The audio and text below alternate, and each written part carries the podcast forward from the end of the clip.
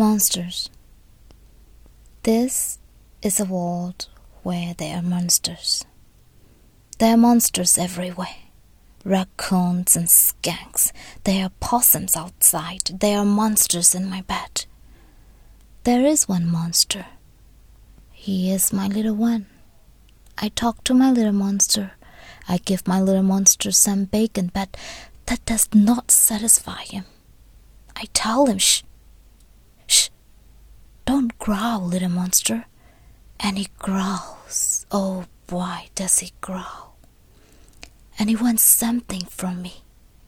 He wants my soul. And finally, giving in, I give him my gleaming soul. And as he eats my gleaming soul, I am one with him.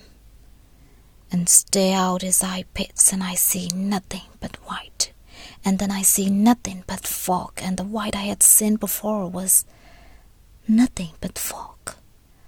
And there is nothing but fog out the eyes of monsters.